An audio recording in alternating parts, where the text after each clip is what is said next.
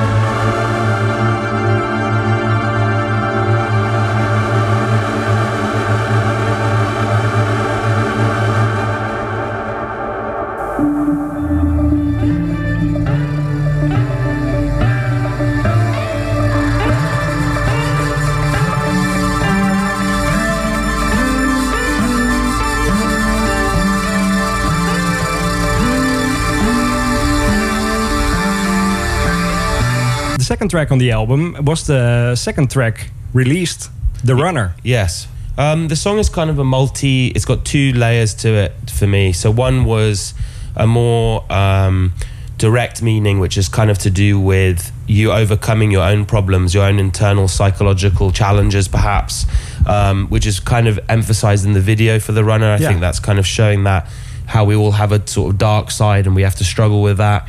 Um, and then also though you know the reason why it's kind of the first proper song on part two is that it after the imagery we we're talking about in part one it's about kind of lifting yourself up picking yourself up in the destruction and in the chaos of the current time that we live in and trying to find a sense of perseverance and a sense of purpose um, and having a kind of combative uh, outlook so not to be resigned to your fate Yeah. to try and fight for f- fight for something.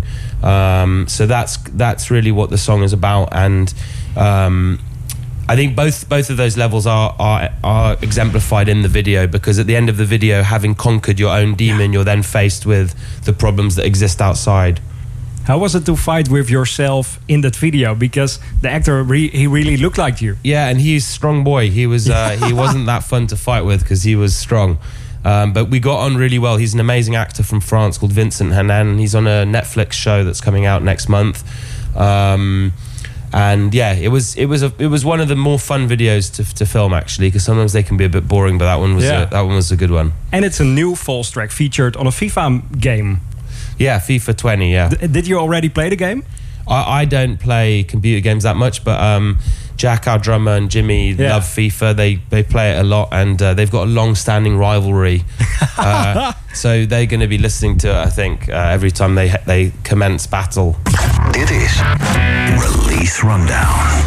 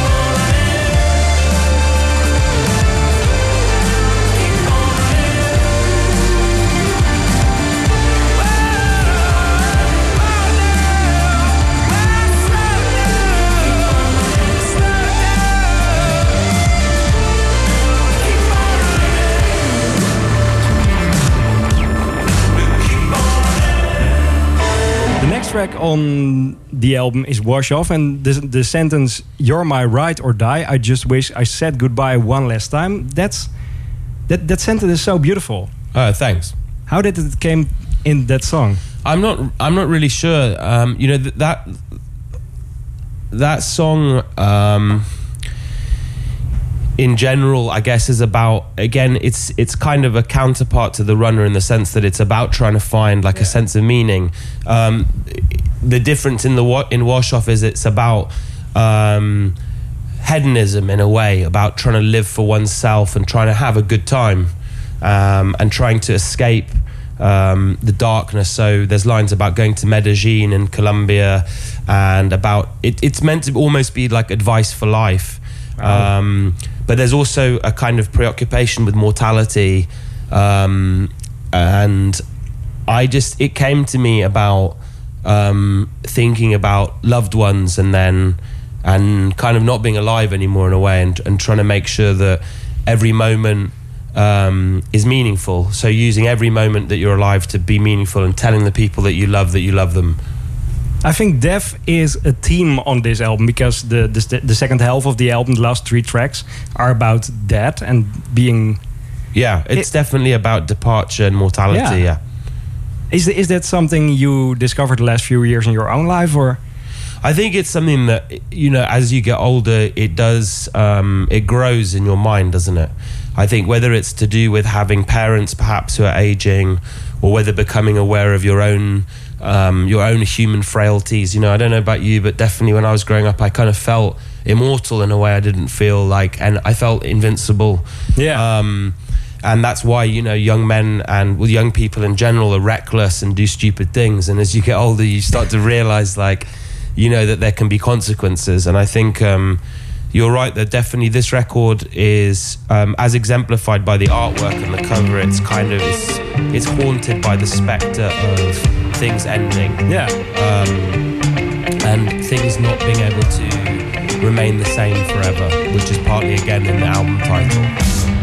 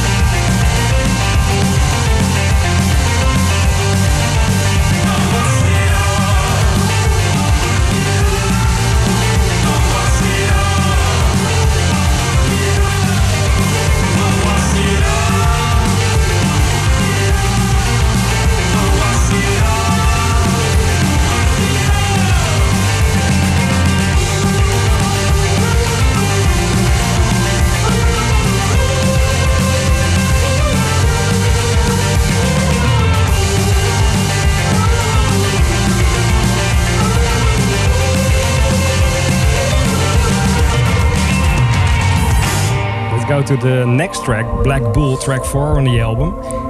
The, the Beast is released, I guess. Yeah, The Beast is released. So this was a song that, you know, um, it came out of a jam. We were just jamming some riffs in, in a rehearsal room round the corner. And we had we had the riff and it just felt like such a brutal uh, kind of uh, mean piece of music that I thought it would be the perfect vessel to kind of express lots of uh, lots of the darker tendencies of masculinity and a lots of the the traits of masculinity that we're quite rightly calling out these days. And I wanted it to be almost like blotting paper, so to kind of absorb um, all of that darkness and then try and put a cap on it, try and cage it within that song. Um, I also had in my mind the idea that we would obviously play it live and sometimes I feel like I shapeshift on stage into this kind of more um, destructive, animalistic presence, and I wanted that this song to be um, a way of me expressing that on stage, and, and that that's what it does because we've been playing it live, and it's one of those moments in the set. And was that the song your hand? No, my hand went wrong. I was not playing stage. I was not playing, and uh, it was I was on ho- holiday visiting my father in Greece, and my cousin uh, was trying to tell me that we had the same blood, that we were blood brothers, and I went to stop him, and he cut my hand Oh, open. no. Yeah. How is it now? Can you play guitar again? I, yeah, I can play guitar. I've lost some feeling in one finger. no way. Yeah, I had to have quite a few stitches and stuff, but it's still healing, so maybe it will get fully better. How is that feeling in your finger then? It's just kind of numb. Wow, that must be hard to, or maybe even better to play guitar because Maybe, yeah, maybe. Yeah. Yeah. although I did think the other day I thought I was holding a plectrum, and then I went to play guitar and I realized I dropped it without understanding.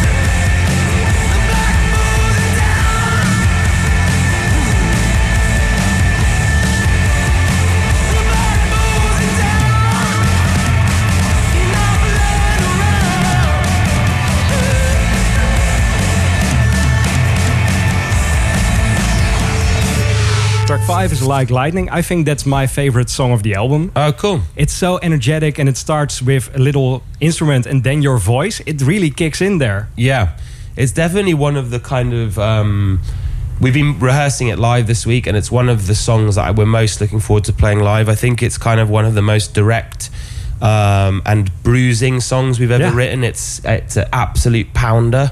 Um, and yeah, it's. I think it's it's also one of the bluesiest songs we've written. So um, I think people we're we're excited to see what people's reaction is to it.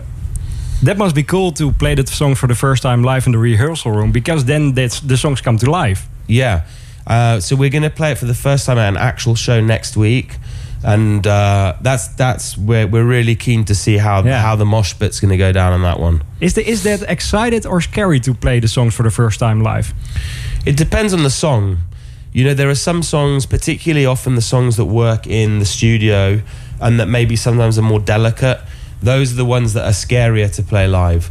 The songs that are more bold and more and more like brash, um, those songs usually we kind of know that they're going to connect in a live environment. But the songs that sometimes are your more delicate children are the ones where you're afraid to release them into the live arena. I can't wait to see you live so on Down Rabbit Hole. That was a great but short show. And before that, you played the Paradiso, and there happened something that goes viral around the whole world. Yeah, what was that? You've been hit by a dildo on a stick. Oh, yeah. What, Yannis? What happened there? I don't know. I didn't even notice that until about a week later. Yeah, but um, there's always crazy stuff that happens. Whenever we play in Amsterdam, there's always somebody that either gets naked or brings a dildo or does something crazy, and that's that's why we love Holland. Why can we see you back in Holland again? Um, is, is there is there a date confirmed already? I th- I'm not entirely sure, but I would. Uh, I think we're going to be definitely back in Holland next year. Yeah. Sounds good. Yeah, man. Sounds good.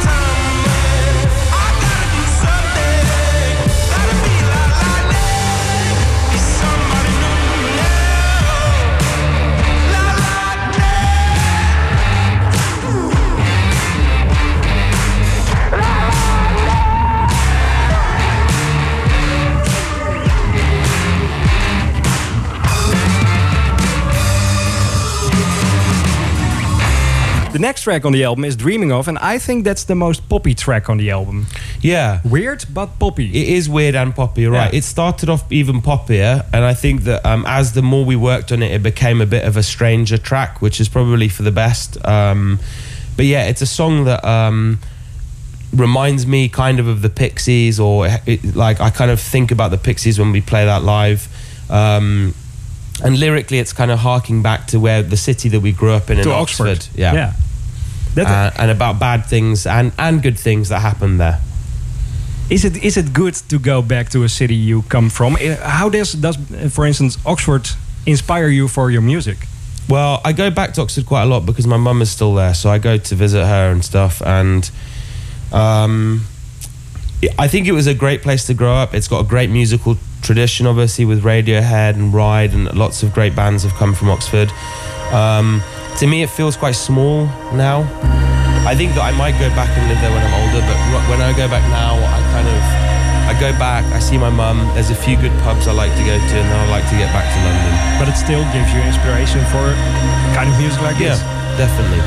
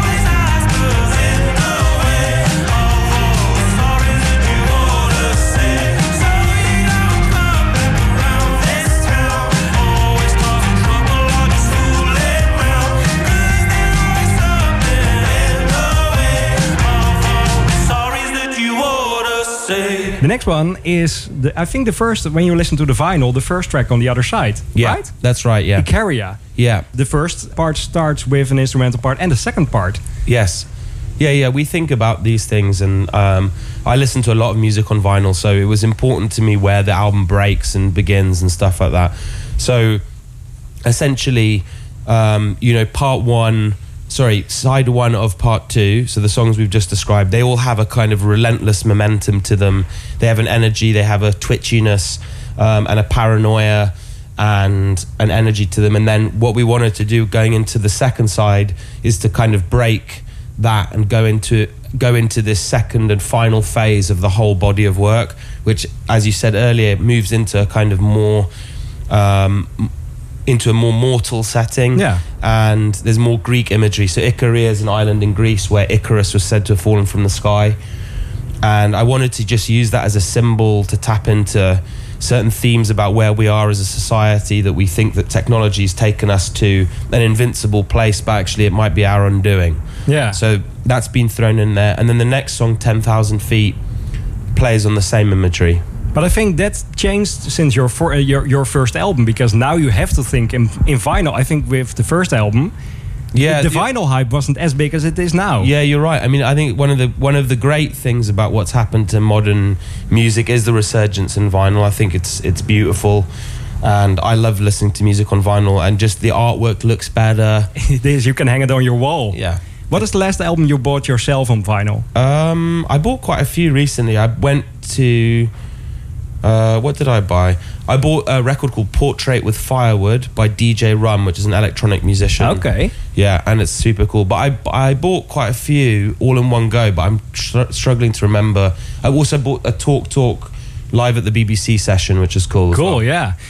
Uh, what I like about your music is that it could be remixed. Every song there came out a few weeks ago, a whole remix album of the first part of this year. Yeah. Will it be the same for this album, or I think this is maybe not a remix album? Yeah, I think it's harder to remix. Yeah. We, we definitely have some remixes coming, but we probably won't have the amount that we had to do. You know, we had a lot on the first one, so uh, we were able to put an album together out of it. But um, on this one, there'll be a few choice remixes, but not not. It's not as easily remixable. No. I don't think. But how does it work for you? Do you give away the songs to people you like, or do they come to you?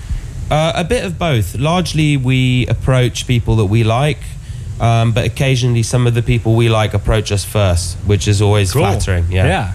I like the Metronomy remix of. Yeah, me too. Yeah. I, I mean, that was just me. He's an old friend of ours, and he actually produced. Um, the first time we went into the studio as Foals was with him, Wow. and we really? recorded a version of Hummer uh, and Astronauts and all uh, with Joe, and which has never been released. But we've always been friends since then, and so. Um, I was just messaging him and I said, you know, hey, would you be interested in doing a remix? And little did I know it would be a drum and bass remix, which was cool. It is really cool, yeah. Yeah. But will that first uh, track Hummer ever be released as Um, an anniversary edition? Yeah, maybe. Yeah, yeah. That sounds good. I think he's got it. I don't have it anymore. I haven't found it, but yeah, he's got it. I think. Everything not saved will be lost. Yeah, exactly.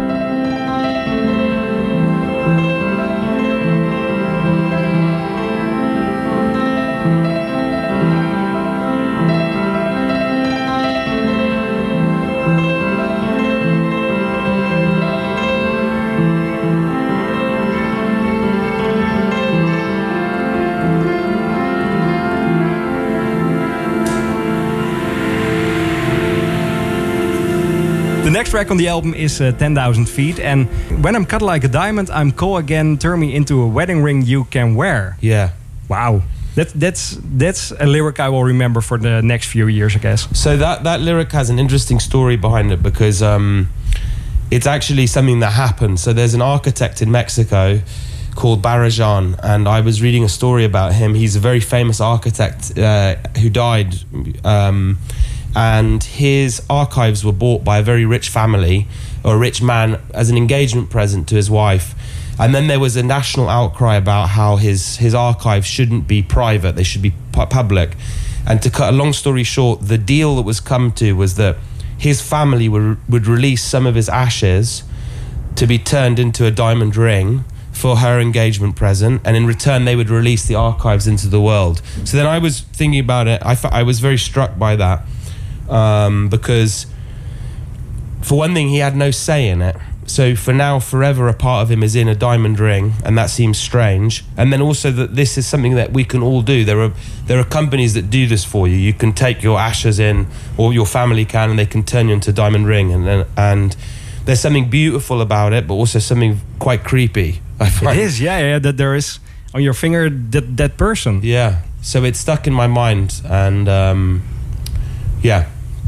But how does it turn into music? How how did that work for you? Because so because the, the song is again is about Icarus, so it's about falling from the sky, and I was thinking about carbon, about when you fall, you know, you can become, you change states, um, and passing from life to death, you change states. You go from being something that's alive into something that is broken down as matter, and in the same way, when you're crem- cremated, you're broken down as matter, but then you're recreated into a diamond so that there's a kind of rebirth afterwards. So it was just part of the the landscape of what I was thinking about at the time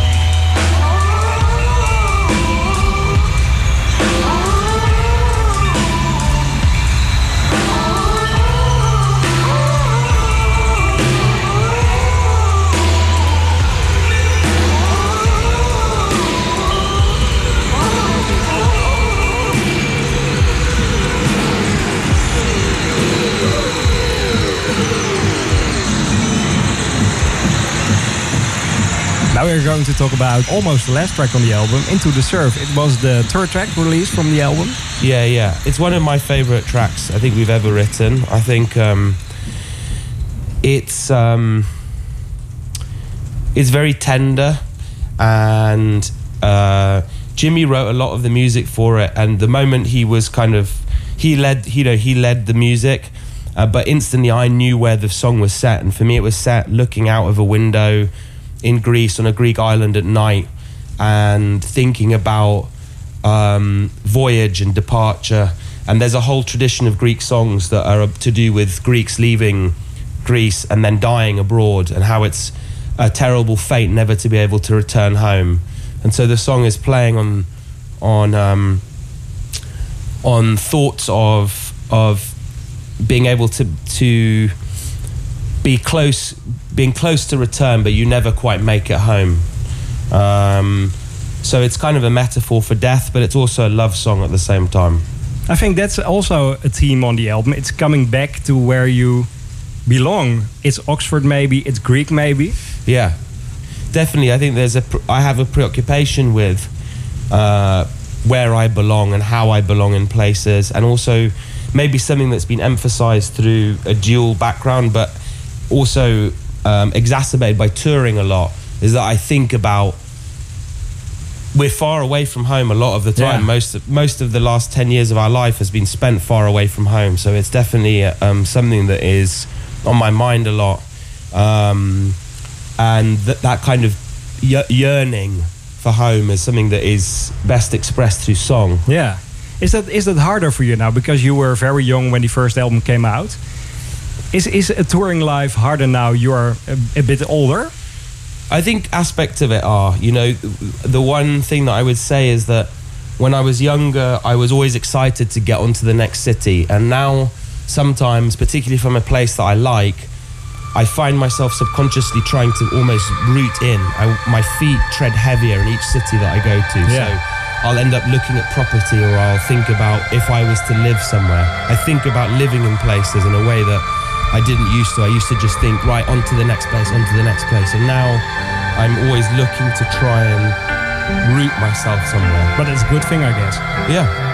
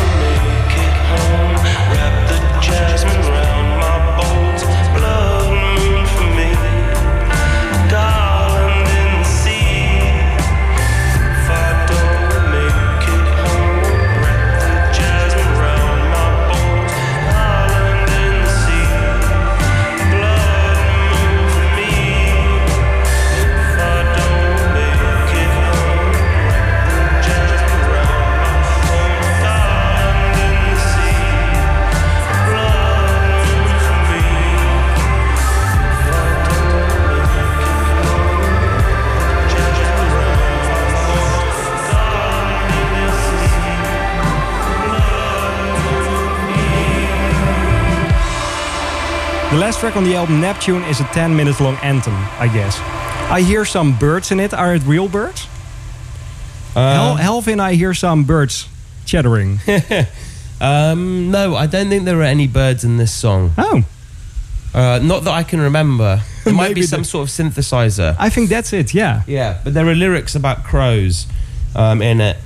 Um, and it's a song again about belonging and about um, death and departure and digital afterlife.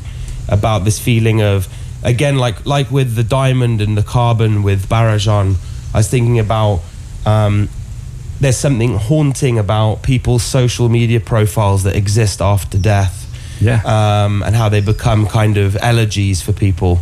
And so there's some lines about that, and there's um, also this sense of leaving England to go to Greece as a sanctuary, but then finding that Greece is not a sanctuary anymore, and then needing to voyage on from that, and maybe going into space in some way at the end.